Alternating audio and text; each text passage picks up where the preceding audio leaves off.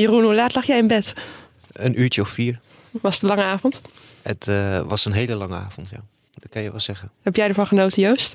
Nee, ik heb het niet gevolgd. Oh. Ik ben, ja, je zei net dat je wel een beetje darts volgt. Ik kijk altijd alleen het WK. En dan uh, voor de rest, uh, of ze nou in of naast het bord gooien, dat maakt me verder niet uit. Eerlijk Was dit te min? Ja, nee, dat zeg ik niet. Niet te min, maar buiten mijn interesse. Oh, Oké, okay. okay. nou, we gaan beginnen.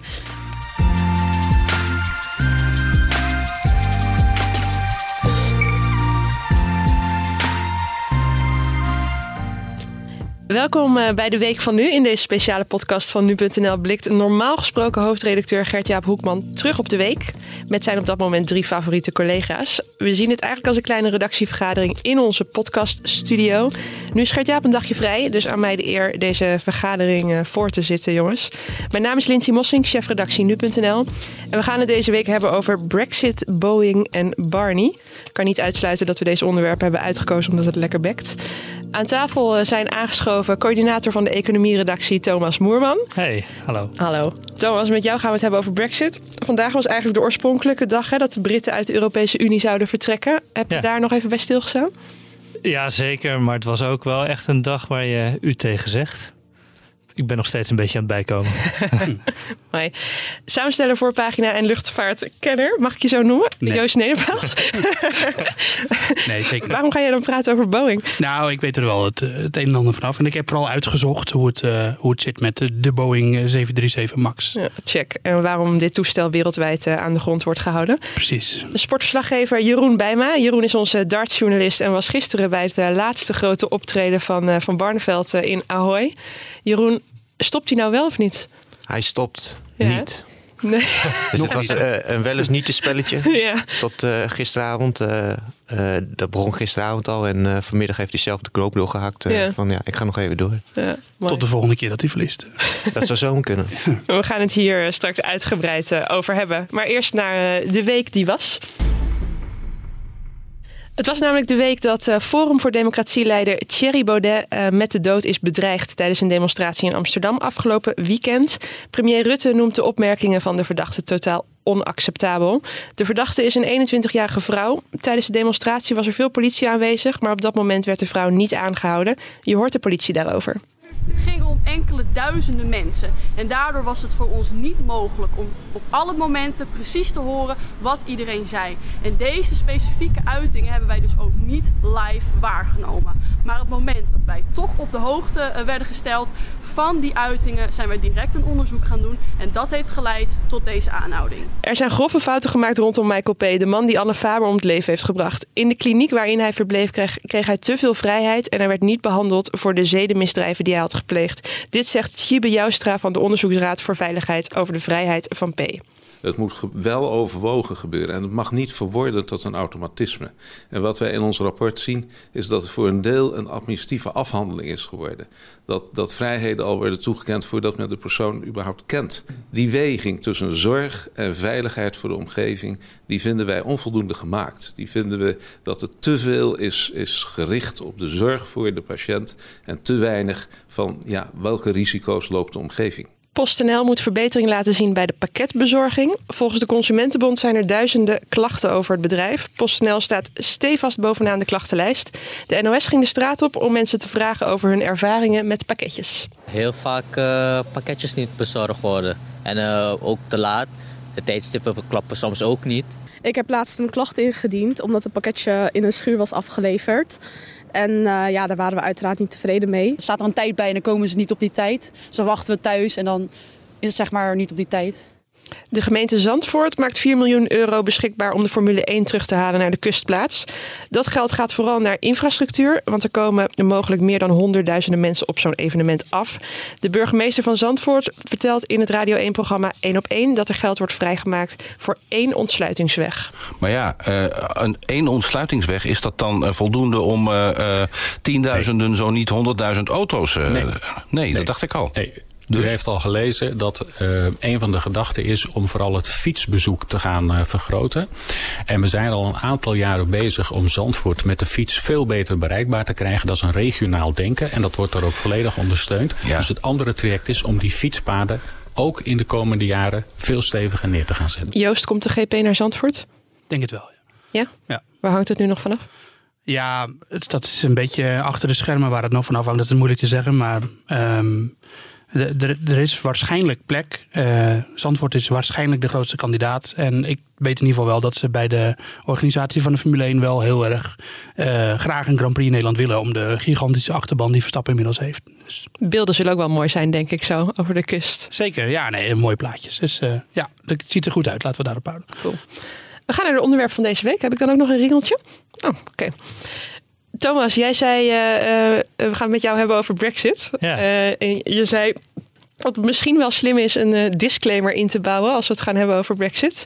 Ja. Um, ik weet niet of dat nu nog steeds geldt. Nee, ik denk dat het goed is dat we zijn, hebben gewacht vandaag met opnemen van de podcast tot na het grote moment. Um, ja, inmiddels is bekend dat drie keer niet scheepsrecht is voor Theresa May.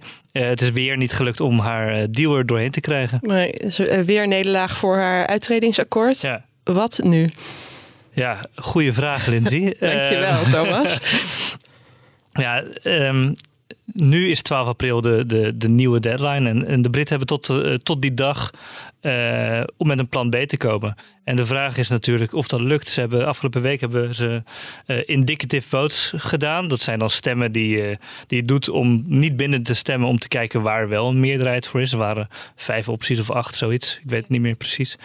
En geen van die voorstellen had een, had een meerderheid, wat weer typisch Brexit is. Uh, ik zag een van de Britse kranten had uh, als kop uh, no, no, no, no. En dan acht keer. Ja, ja. ja precies. maar de, de, de gast die dat heeft bedacht, die indicative votes, die zei ook van nou, dit had ik al verwacht en daarom gaan we maandag nog een keer doen. en dan kunnen mensen van mening veranderen en denken oké, okay, nou hier waren heel veel stemmen voor, dan ga ik wel daar, daarvoor stemmen nu om te kijken of er toch ergens een, een meerderheid voor is. Welke zijn nu dan nog het meest kansrijk? dan moet, je, moet ik even in mijn hoofd graven, maar uh, uit mijn hoofd um, is de, de Common Market. Dus dat, dat is een veel zachtere brexit eigenlijk. Uh, en ook wel een, een confirmatory vote. Dus welke deal er ook komt, dat, de, dat het volk dan daar wel ook nog een referendum over moet gaan houden. Dat is dus iets anders dan het tweede referendum. Oké, dus de, de kans dat de brexit helemaal niet doorgaat, is die groter geworden of kleiner geworden? Nou, die blijft gewoon nog heel erg klein. En de, de kans dat de, de Britten zonder deal uit de EU crashen, die is weer groter geworden. Is er nog een mogelijkheid dat de Britten in de EU blijven? Ja, ja, zo, ja, zoals ik net zei, het is, het is wel klein. Het, we kunnen even het, het, eh, het, scenario doorgaan wat er dan moet gebeuren. Uh, dan moet er, laten we, één scenario is dat ze uh, dus heel artikel 50, heel de brexit terugroepen, annuleren, strepen door. Ja, dat gaat niet gebeuren. ze hebben wel een referendum gehouden en ze voelen allemaal wel, ja, we moeten daar iets mee. Je kan niet zomaar als politici zeggen van, nou, weet je wat, dat referendum vergeten we. Dan is dus de andere optie uh, om een tweede referendum te houden. Dan moet je eerst een meerderheid in het parlement vinden. Nou ja, deze week bleek dat die er niet is. Um, dus dat moet eerst veranderen. Dan moet het referendum nog gehouden worden. Um, en dan moet de meerderheid van het volk nog iets anders zeggen dan de vorige keer dat het referendum drie jaar geleden werd gehouden. Uh, de andere, derde optie is dat er verkiezingen plaatsvinden en dat, ze dan, uh, dat er dan een partij wint die hele andere plannen heeft met het land. En dat lijkt me ook sterk. Waar, waar zet jij je geld op in? Uh, no Al deal. je geld, no zei deal. je heb ik pas getweet. Al mijn geld. ja. uh, ja, ja, het is een beetje risky natuurlijk. Ik weet ook niet of ik het meen. Uh, maar nou ja, het, het, is een beetje bedroevend om te kijken naar die Britse politici. wat er toch gebeurt. Want er is, niemand, is, niemand is het erover eens. Ehm, er is een Britse podcast van de BBC die openen elke dag met, uh, met, uh, met een tune. En daarin wordt hoor je Theresa May zeggen, hoor je zeggen uh, Brexit means Brexit. En het volgende fragment is iemand die vraagt Brexit means Brexit, but what does Brexit mean? en daar hebben we nu ruim duizend dagen na dat referendum nog altijd geen, geen uh, antwoord op. Het is frustrerend. Ja. BBC had ook een mooi lijstje hè? Wat, uh, van dingen die korter duren dan duizend dagen. Wat staat er? Het leven van een hamster. Duurt uh, korter dan duizend dagen, dames en heren. Behalve die van Lisa van der Wal, een van onze redacteuren op de redactie, geloof ik. Maar, ja. um, en de, de bouw van Titanic, Game of Thrones. De Titanic liep anders ook niet helemaal goed af. Ja, of misschien, misschien ja, goed, ja, de, de, de rit of de, de tocht van de Titanic duurde ook niet heel erg lang. Nee. Maar, maar uh, Brexit begint wel steeds meer op die tocht van de, Brexit, van de Titanic te lijken. als we die metafoor moeten doorzetten. Ja. Maar wat is er nou waar dat het land echt uh, helemaal verdeeld is? Ja, dat is uh, eh, 100% waar. Ik bedoel, je hebt, um, als, je teruggaat, als we helemaal teruggaan naar dat, uh, naar dat referendum, um, dan was de vraag natuurlijk binair. Je bent voor of tegen Brexit. Maar wat we nu zien, is dat uh, de ja-stemmers, dat is niet één kamp. Er zijn namelijk duizend verschillende Brexits. en ja, als je, daar, als je dan niet één meerderheid voor een van die plannen kan vinden, dan heb je dus uiteindelijk een, een krappe minderheid tegen Brexit. En dan heel veel kleine groepjes die voor een andere Brexit zijn. Ja, dat is gewoon een hele moeilijke politiek. Zeker een politiek die niet, die niet altijd gewend is om uh, tot consensus te komen. Wat wij in Nederland natuurlijk de hele tijd doen. Maar in Groot-Brittannië hebben ze doorgaans twee partijen die. Uh, ja, één, waar één partij dan het grootste is die gewoon mag bepalen wat er gebeurt. Alleen die komen er nu zelf ook niet uit. Nee, ja, en De, de, de grote fout, en dat bleek vandaag ook wel, is dat uh, Theresa May ooit die, die verkiezing heeft gehouden. Eh, eh, die snap elections. Ze hoopten daarmee een grotere meerderheid te krijgen. Die verloor ze juist, uh, waardoor ze afhankelijk werd van de, de Noord-Ierse partij DUP. En dat is een partij die uh, zijn. Dat zijn unionisten. En wat betekent dat? Dat betekent dat zij de grens op Noord-Ierland is minder belangrijk. Met Noord-Ierland is minder belangrijk voor hun dan de band met het Verenigd met de rest van het Verenigd Koninkrijk. Dus zij willen nu kost wat kost voorkomen dat, er, dat Noord-Ierland een aparte status krijgt. Nou ja, nou ja eh, wat gebeurt er nu? Dat wordt het grote breekpunt. Uh, de DUP heeft ervoor gezorgd, onder, onder meer, dat, uh, dat de deal er weer niet doorkomt. Nee, hoe lang blijft mee nog zitten dan nu? Heeft het nu voor haar zin om af te treden? Of? Nou ja, ik, ik heb vandaag drie berichten klaargezet voor de zekerheid. uh, eentje waarin ze de deal er toch doorheen krijgt, leek me sterk. Eentje waarin de deal er niet doorkwam, dat is gebeurd. En eentje waarin de deal er niet doorkwam en waar ze de eer aan zichzelf hield. Uh, Overigens heb ik pas in ons systeem teruggekeken en uh, sinds oktober heb ik dat bericht elke maand al klaargezet dat Theresa May afstapt. En dat is tot dusver nog niet gebeurd. Tenminste, hoe laat is het? Uh, vijf voor half vijf uh, op vrijdagmiddag. Toch een disclaimer, ja. 29 maart. Ja. hey, jij zei van de week in ons Brexit live blog... hoi, ik ben Thomas, als je vragen hebt over Brexit, stel ze vooral. hoeveel van die vragen zijn er binnengekomen van mensen? Ja, ik, ik moet eerlijk bekennen dat ik ze niet heb geteld... maar het waren, waren het er ja, toch meer dan ik had verwacht. behoorlijk veel, meer dan honderd, misschien wel honderden. Uh, en dat is heel erg leuk, omdat je, uh, nou ja, Brexit is zo ingewikkeld dat er, uh, ja, ik snap het niet altijd. Veel redacteuren komen naar mij toe, die snappen niet helemaal. en je merkt ook dat voor veel lezers is het gewoon te veel geworden. Um, en dat was wel leuk om die mensen even erbij te betrekken. De leukste vraag vond ik de vragen die ik niet kon beantwoorden. Zoals iemand, nou, de nieuwe deadline is dus 12 april. Wat als de Britten uh, op 11 april, uh, weet ik veel, 11 uur, 11 uur s avonds, laten we zeggen één minuut voor de deadline, toch met een plan B komen. Dan heeft de EU geen uh, tijd meer om dat plan te beoordelen. Crashen ze er dan alsnog uit? Uh, weet ik niet. uh, maar ik denk dat ik vandaag het antwoord toch uh, heb gevonden. want Donald Tusk, de, de voorzitter van de Europese Raad, die heeft een nieuwe EU-top opgeroepen 10 april. En op zo'n top, daar komt ook Theresa May. Dus ik gok dat zij dan op 10 april op die top moet zeggen wat ze heeft verzonnen. Want uiteindelijk is het voor de Europese Unie natuurlijk ook slecht, een harde brexit. Ja, en uh, voor Nederland voorop. Wij, Wij staan in het top 3 lijstje toch? Ja, zo? ja, zeker. We hebben gewoon heel veel te verliezen. Ja. Uh, dus dat zou de, e, uiteindelijk misschien, als het de druk dan helemaal vol op de ketel staat, bij de EU eventueel ook nog weer wat uh, um, ruimte kunnen bieden. Nou, ik denk dat de EU er behoorlijk klaar mee is. Dat, dat lees je wel overal ook van de uh, in, op Twitter. En uh, ja, dat, dat, zie je ook wel aan de toon van, uh, van de Europese leiders. Het moet nu echt afgelopen zijn. Dat is wel een beetje waar ze naartoe gaan. En dus ze lieten ook duidelijk weten deze week dat wij zijn er klaar voor, voor die no-deal Brexit. Um, het is Brexit is sowieso iets met alleen maar verliezers, is het standpunt van de Europese Raad, van de EU-leiders. Um, en een no-deal Brexit is al helemaal een scenario met alleen maar verliezers. Maar heel tijd dat gedoe met erin, eruit, erin, eruit. Dat, dat, is, uh, dat, daar wordt ook niemand blij van. Nee. Ja, over alleen maar verliezers gesproken. Ik zocht een bruggetje. Ja. Hmm. Oké.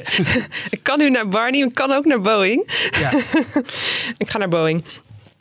Um, Joost, ik wil het met jou hebben over de 737 MAX. Die ja. uh, staat aan de grond sinds de crash met een toestel van Ethiopian Airlines op 10 maart. Ja. Ook een eerdere crash met Lion Air uh, ligt hieraan ten grondslag. Zeker. Wat heb jij met luchtvaart?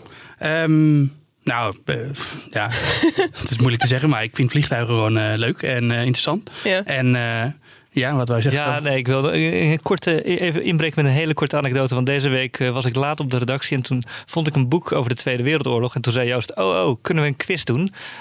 Sla een pagina open met, waar een, vlieg, plaatje van een vliegtuig op staat. En laat die heel kort aan mij zien. Dus dat deed ik. En toen kon die continu precies raden welk vliegtuig het was uit de Tweede Wereldoorlog. Oké, dus nogmaals de vraag. Wat heb jij met nou, luchtvaart? Dat, daar heb je het wel beetje. Dat komt, uh, ik heb een grote ja, eh, fascinatie voor de Tweede Wereldoorlog. En dat speelde vliegtuigen een belangrijke rol in. Ja. Uh, en dat is uh, toen verder gegroeid naar ook vliegtuigen uit het, uit het heden. Ja. Maar ja, de, passie ligt wel bij vliegtuigen uit de Tweede Wereldoorlog. Maar over een normaal vliegtuig. Nou ja, goed. Het is niet zo dat ik gepassioneerd ben over een Boeing 737. Want dat is eigenlijk gewoon een heel saai vliegtuig natuurlijk. Maar in, in, in grote lijnen. Ik wil niet verder gaan dan grote lijnen. Weet ik ongeveer hoe het werkt. Okay. En als er dan een probleem is. Dan kan ik dat ook iets makkelijker duiden dan dan mensen die er niets van weten. Ja. ja. ja. je legde mij eh, van de week het probleem met de 737 MAX uit uh, met een papiertje, bijna een papieren vliegtuigje. dat kunnen we de mensen niet laten zien. Dan kan je toch een poging wagen. Wat is er aan de hand met dat toestel? Ja, nou dat, dat begint eigenlijk bij het feit dat, dat Boeing natuurlijk één hele grote concurrent heeft en dat is Airbus. en Airbus bracht best wel nou, een beetje sinds het begin van dit decennium, of aan het begin van dit decennium brachten ze een toestel uit. En dat de grote concurrent was van Boeing of zou worden. En dat was iets wat Boeing toen nog niet had. Uh, dus Boeing, en dat was vooral een toestel wat eigenlijk uh, relatief klein is, maar wat toch ver kan vliegen. Want dat is wat, wat alle maatschappijen willen. en dat komt vooral dat hij ver kan vliegen ook doordat hij gewoon meer capaciteit heeft qua motoren, maar ook dat hij zuiniger is. en dat is, zie je tegenwoordig, is dat echt een grote trend bij de, bij de vliegtuigbusiness. dat de vliegtuigen veel zuiniger worden. Een klein voorbeeld, de, de Dreamliner, die kennen we allemaal wel, de 787, die is gewoon 30% zuiniger dan vliegtuigen die, nou, zoals de 777 die je ook nog veel ziet. Dat is, uh, ja, dus uh, dat is een beetje de strijd. Uh, dus wat dacht Boeing? Nou, wij hebben de 737, dat is ons best verkochte toestel ooit. En dat is een succesnummer. Laten we daar dus gewoon uh, grotere motoren onder hangen. En, uh, um, en we zorgen dat die wat zuiniger is. En dan kunnen we daarmee concurreren met Airbus. En dat was een beetje een paniekreactie, zou je kunnen zeggen. Um, dus die motoren die zijn alleen veel groter. En die moesten op een plek komen waar ze dus passen. En de Boeing 737 is niet een heel groot, dus het staat ook niet zo ver van de grond. En ze hadden toch bedacht dat als die motoren iets verder naar voren en iets verder. ik ben het nu met mijn handen aan het uitbeelden. Ja, dat precies, zie je ja, dat is, Uh, iets verder naar voren en iets, verder, iets hoger, zeg maar, dichter tegen de vleugel aan zouden komen. Ja. Dan zouden dat A kunnen qua uh, dat hij de ruimte genoeg is. Maar B zou dat ook iets van 14% uh, brandstofbesparing opleveren als die motoren daar zouden hangen. Uh, dus oké, okay, nou dat was, daar was Boeing enthousiast over. Alleen er zat één groot nadeel aan. En dat is dat die motoren op die positie hun eigen trekkracht omhoog genereren. Dus ze willen eigenlijk zeg maar onder bepaalde omstandigheden omhoog bewegen. Ja. Eigenlijk zou je kunnen zeggen dat ze zich van de vleugel los willen breken. Maar dat kan natuurlijk niet, want ze zitten vast. Mensen die een beetje vliegangst hebben, moeten misschien nu even hun vingers in hun oren doen. um, dus, dus uh, maar ja, dat, dat, dat, uh, het gevaar dat het vliegtuig uit zichzelf omhoog gaat bewegen, dat leeft onder sommige omstandigheden, om sommige hoeken uh, waar het vliegtuig zich begeeft, kan dat probleem opleveren. Namelijk het, de angst voor de, het, dat is de angst van alle vliegers, de stal. En stal betekent dat. dat is de, dat hij een beetje zo nou, in ja, een soort betekent, van lanceerpositie komt. Dat, dat betekent eigenlijk dat, dat de, de, de vleugels van het vliegtuig niet meer werken. Ja. Dat die gewoon niet in werking verliezen. Dat heet stallen. En dat, dat, ja, komt eigenlijk op dat een vliegtuig dan gewoon uit de lucht uh, kegelt. Uh, heel moeilijk om een vliegtuig, en zeker zo'n groot vliegtuig als een 737, uh, dan weer recht te krijgen. Dus wat dacht Boeing? Oké, dan maken we daar een stukje software voor. En als we dan merken dat dat vliegtuig onder een bepaalde hoek komt, dat het stallen, nou ja, dat het risico erop wordt vergroot, dan zorgt die software ervoor dat de neus van het vliegtuig automatisch naar beneden wordt gedrukt. Um, dat het MCAS, uh, nou, ik hoef het helemaal niet uit te leggen hoe dat allemaal, waar, wat dat, waar dat voor staat, want dan gaan de mensen toch niet onthouden. MCAS is in ieder geval heel belangrijk hierin. Uh, en dat, uh, dat kijkt onder andere naar onder welke hoek, ja, dat heet dan de, de invalshoek, maar onder welke hoek het vliegtuig vliegt, dat kan het meten. Um, Uh, en daar hebben ze sensoren voor. En dan zonder dat de piloot het weet, en het gaat nog verder dan dat, maar dat leg ik zo uit. Zonder dat de piloot het weet, gaat, vergrijpt dat MCAS dan in als ze zien dat de hoek te steil wordt bijvoorbeeld. En dan drukt, het, drukt die software door de bediening te bedienen, zeg maar, het, de neus van het vliegtuig naar beneden. Ja, Dus dat is, zo werkt dat. Alleen dan gaat het op een gegeven moment fout als het niet goed werkt. En dat is wat er zeker, nou ja, vrijwel zeker is gebeurd bij het, met Lion Air toestel, maar waarschijnlijk ook bij het Ethiopian Air toestel. Is dus dat die sensor die er dus voor zorgt dat je kan zien, of dat het vliegtuig weet onder welke hoek hij vliegt, dat die verkeerde informatie doorgaf. En dan toen dacht het MCIS dus, ik, ik ga praten altijd alsof eh, computers denken, maar die dacht dan dus van, oh hey, we vliegen in een verkeerde hoek, laten we de neus eens naar beneden douwen. Ja. Ehm, dus dat ging hij doen, zonder dat de piloten wisten dat dat systeem überhaupt op hun vliegtuig zat. En ook zonder dat ze wisten en die dat hoek gebeurde niet, zeg maar. Nee, het vliegtuig vloog op een normale, op een normale positie. En die, eh, dus dat MCIS ging steeds de neus naar beneden douwen. Maar, eh, ja. heeft, kan een piloot dan niet ingrijpen? Als dat kan hij doen. Ja. Dat kan hij doen. En dat hadden ze misschien nog wel kunnen doen. En misschien hadden ze ook wel moeten weten wat er aan de hand was. Dat, is nog, dat zijn allemaal vragen die nog openstaan. Ja. Maar ze wisten het niet. En ze wisten ook niet wat ze moesten doen om het, om het te voorkomen. Kijk, ik eh, bedoel, het is natuurlijk makkelijk praten eh, vanaf de grond. Maar als je in een cockpit zit en je hebt uh, zoveel honderd mensen aan boord. En dat vliegtuig begint heel, dan heel erg zichzelf naar beneden te drukken. Dan, ja, dan ontstaat toch ook een klein beetje paniekreactie. En ik kan me voorstellen dat het dan even duurt voordat je weet wat er aan de hand is. En het schijnt zelfs zo te zijn dat de ene piloot het vliegtuig steeds omhoog aan het trekken was. En nu heb ik het over de situatie met Lion Air trouwens. En dat, uh, dat de andere piloot in het, de manual aan het zoeken was van uh, wat is het vliegtuig nu aan het doen.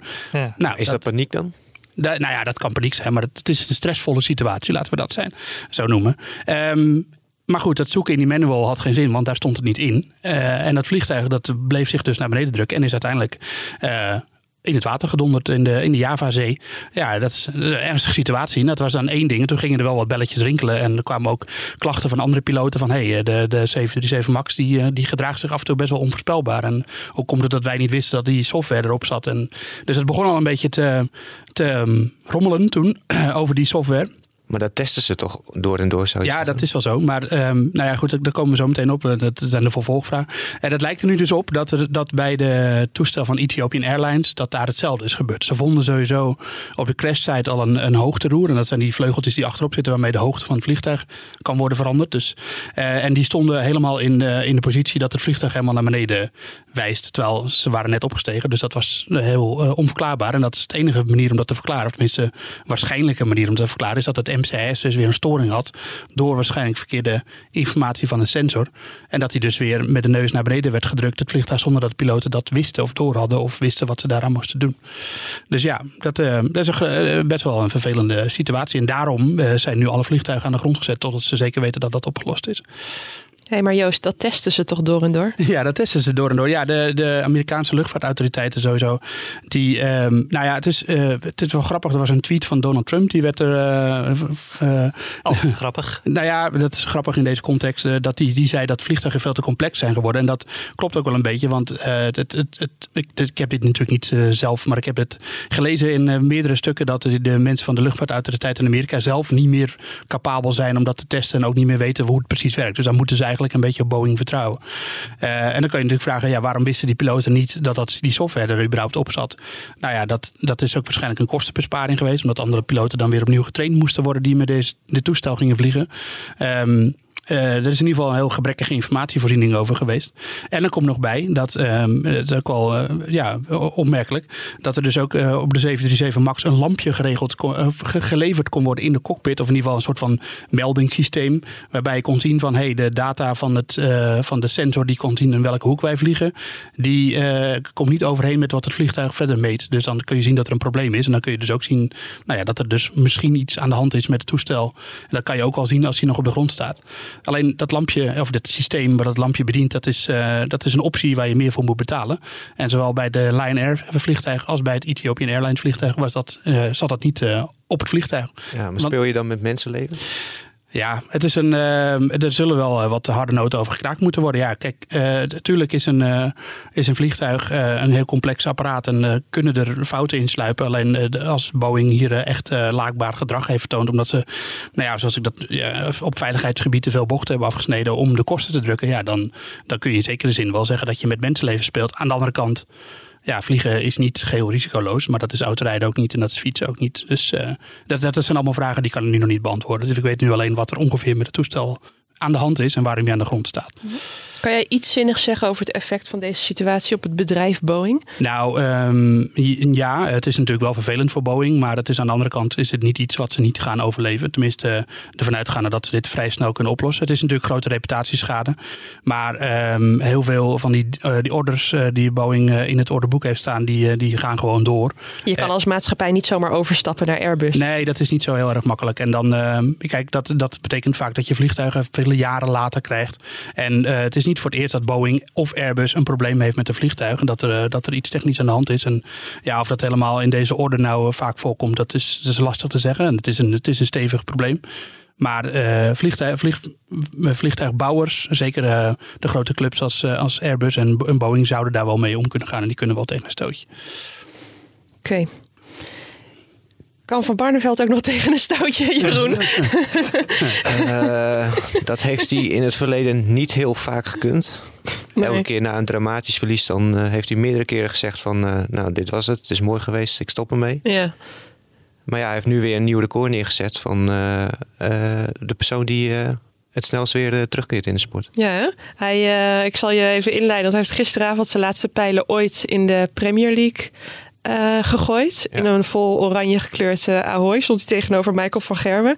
er viel voor Barney niets meer te winnen omdat hij woensdagavond al degradeerde.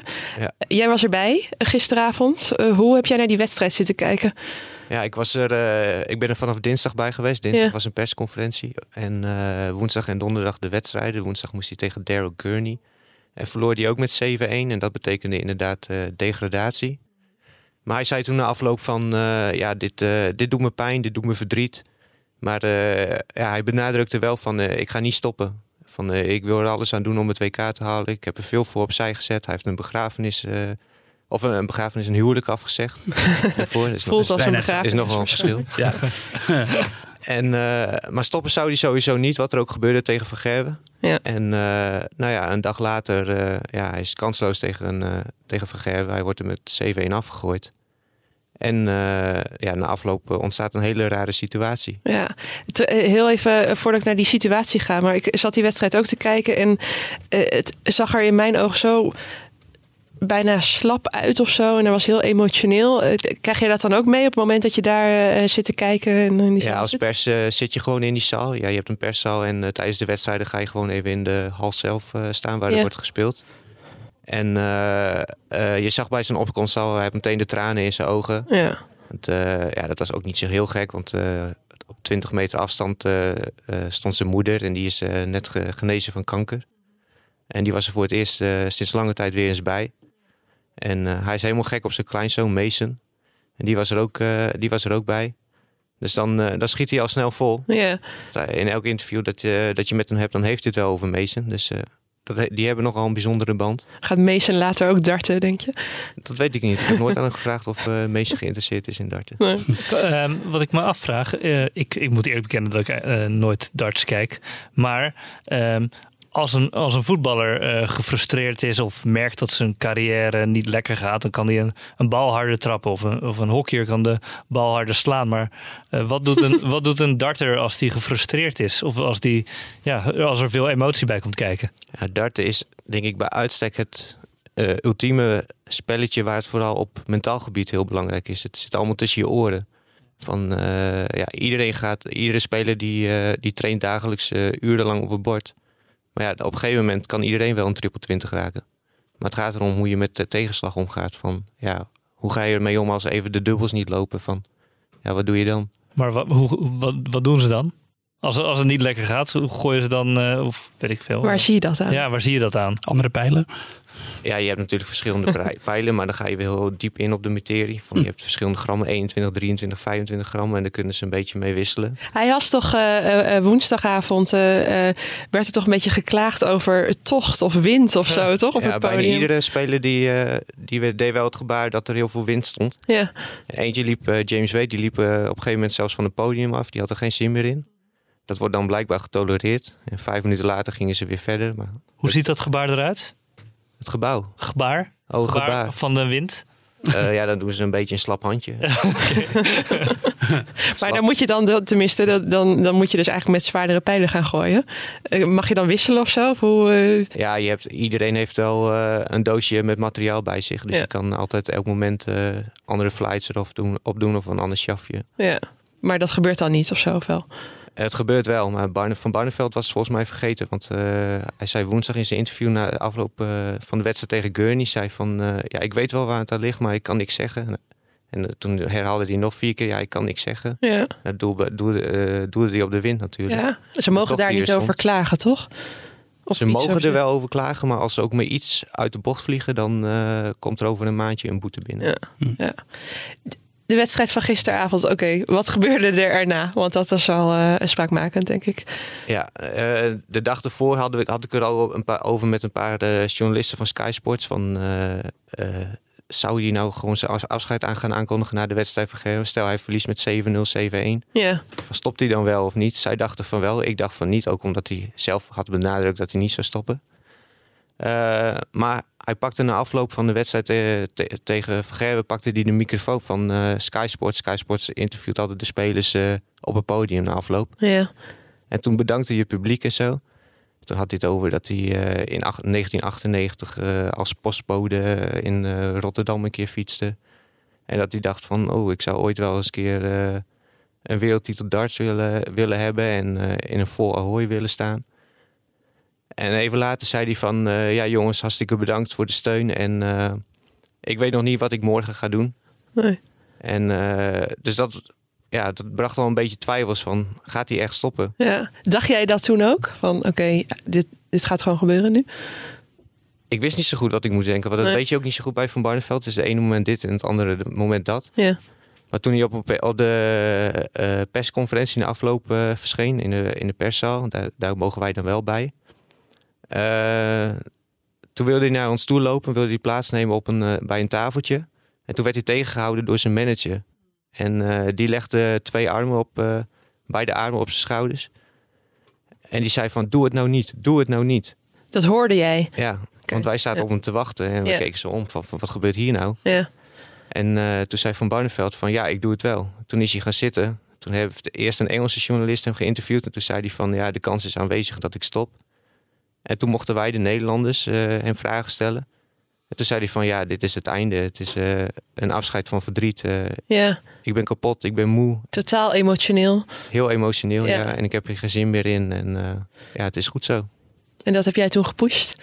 Dat hebben we toen uh, gepusht, ja. Bericht op algemeen. Ja. nou, ik denk om een uurtje of... nou, wat was het? Half één. Nou, ik ben mooi klaar.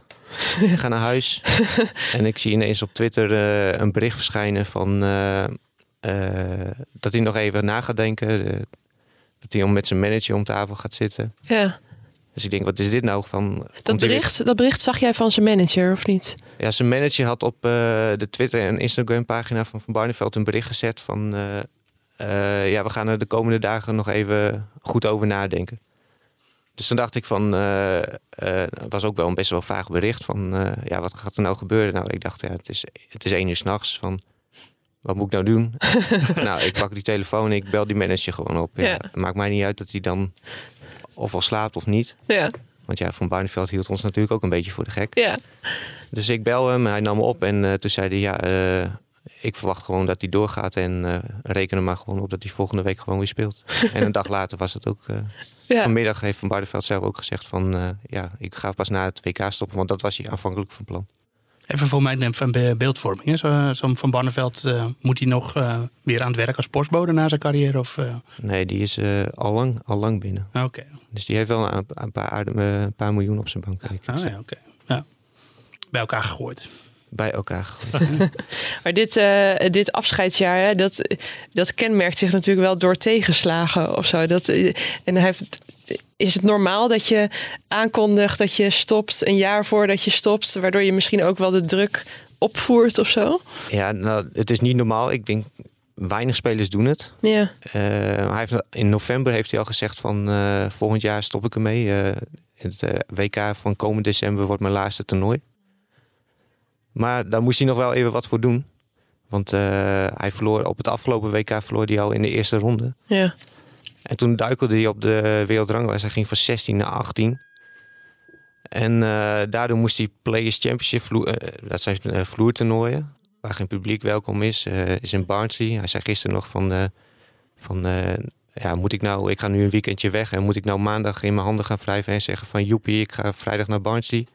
Nou nee, daar dacht ik niet. Daar wil ik nog niet doodgevonden worden. Nee.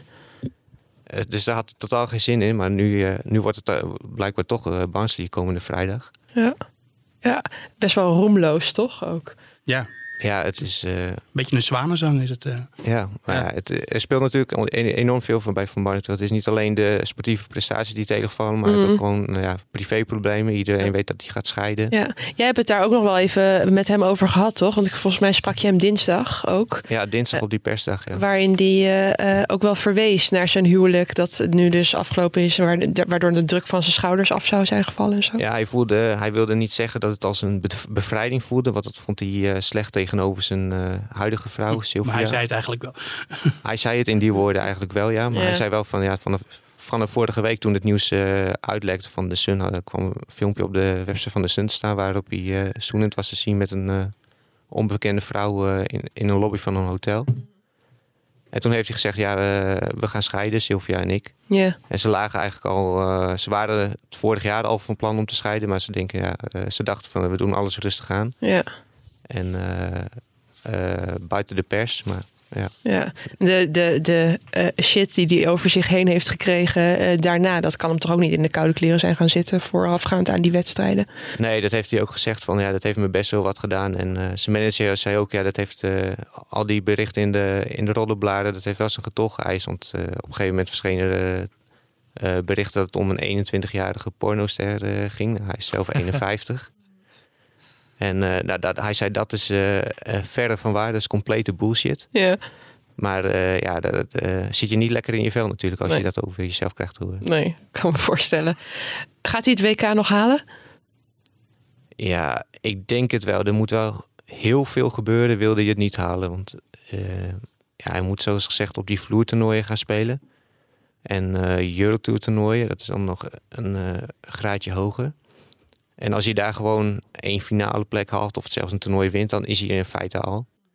Dus uh, het is niet een onwijs moeilijke weg naar het WK, maar je moet het nog wel even doen. Ja, en als hij elke keer in de eerste, tweede ronde wordt uitgeschakeld, dan houdt het op een gegeven moment natuurlijk op. Ja. Hoe lang uh, volg jij darts al voor nu.nl? Uh, een paar jaar. Dus ik zit hier nu zes jaar en ik denk zeker dat ik nu, ja, drie jaar ben ik bij toernooien en zo. Dus een stuk of acht per jaar in het buitenland. En dan maak ik dit jaar ook. Ja. ja. Mooi, mooi. Gaan we volgen. En volgens mij gaan we naar de post van nu.nl.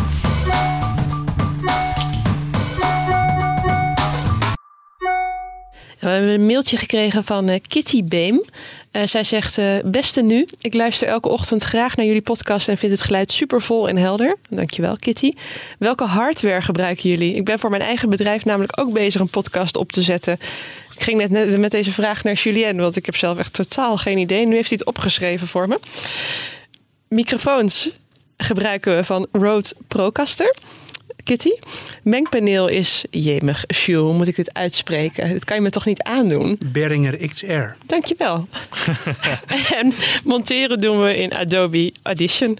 Kitty, ik, uh, uh, nou, wens je veel succes met je eigen bedrijf. Maar stiekem zitten met z'n allen mijn iPhone heen, toch? stiekem wel. Uh, we hebben nog een tweede vraag gekregen. Beste heer, mevrouw. Sinds enige tijd luister ik naar de Dit Wordt Het Nieuws podcast via Spotify. Deze mail is van Roel Verlaan. Nu zijn er sinds enige dagen commerciële breaks ingevoerd. Nou, dat uh, klopt, Roel. Wat een belabberde ontwikkeling, zegt hij. Mijns inziens dient een nieuwspodcast commercievrij te zijn. En zeker voor luisteraars die betalen voor een premium account via Spotify Hopelijk kunnen jullie deze ontwikkeling heroverwegen en uiteindelijk de zeer goed te beluisteren podcast gewoon over het nieuws laten gaan. En niet een reclamebulletin over luisterboeken maken. Ja, ik moet zeggen dat ik. Um, de uh, Storytel. Hebben jullie de Storytel reclame gehoord? Zeker. Deze, wat vind je ervan? Mooi, leuk. Ja, vind ik dus ook. ik vind het een aanwinst. Heb jij het gehoord? Nee, sorry. Oh, jammer. Jeroen? Nee, ik heb het niet gehoord. Oké. Nou, bedankt hiervoor. Nee, uh, dat is natuurlijk wel reclame. Nee, laten we daar niet uh, gek over doen. Nee, we moeten ook onze brood verdienen uiteindelijk. sorry, Roel. We gaan naar de agenda van volgende week. Even kijken. Bij uh, zaterdag, nou, zaterdag staat er niks te gebeuren. Zondag um, is de wedstrijd Ajax-PSV om een kwart voor vijf. Joost, ga je kijken? Ik zit in het stadion. Oh, mooi. Jeroen? Ik ga erheen. Ik zit op het perstribune. Kijk, voor nu.nl. Ja. Wat verwacht je? Um, Ajax is in topwedstrijden altijd wel goed.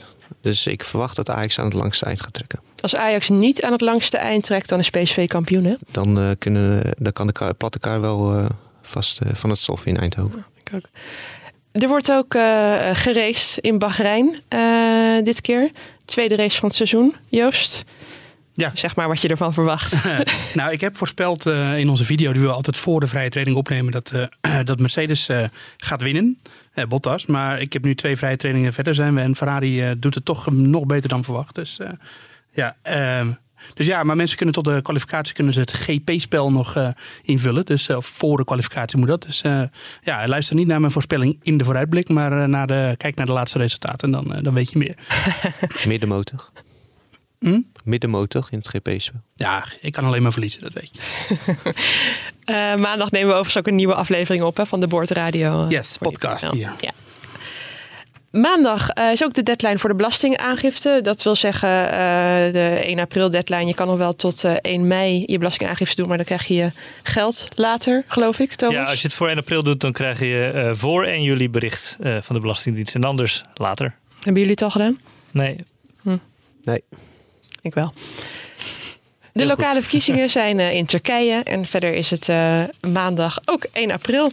Thomas, je stuurde een mooi mailtje daarover naar de redactie. Ja, over 1 wat, april. Wat was het? Ik, ik, meen me te herinneren 1 april, kutste dag van het jaar. Ja. Uh, dan moet ik hm. zeggen dat ik zelf wel van een goede of slechte grap hou. dus privé vind ik 1 april in ieder geval altijd wel, wel geinig. Hm. Um, maar ja, het is natuurlijk de, de aardsvijand van de journalist. 1 april worden elk jaar weer beladen met ludieke inhakertjes van uh, bedrijven. En vooral toen ik uh, vroeger in een vorige leven nog techjournalist was, toen hadden we er heel veel uh, last van. Bedrijven die gekke gadgets bedenken, die dan niet waar lijken te zijn. En ik kan me ook nog een keer herinneren iets met een raketje. Ja, ja dat was al Het raketje zou verdwijnen, toch? Ja, dat was ja. echt een dieptepunt. Ja, en dat hebben wij toen gebracht. Samen met de collega's van RTL en anderen. Iedereen maakte ze een week van tevoren bekend, hè? Ja, ja. ja. ja iedereen echt een week voor 1 april.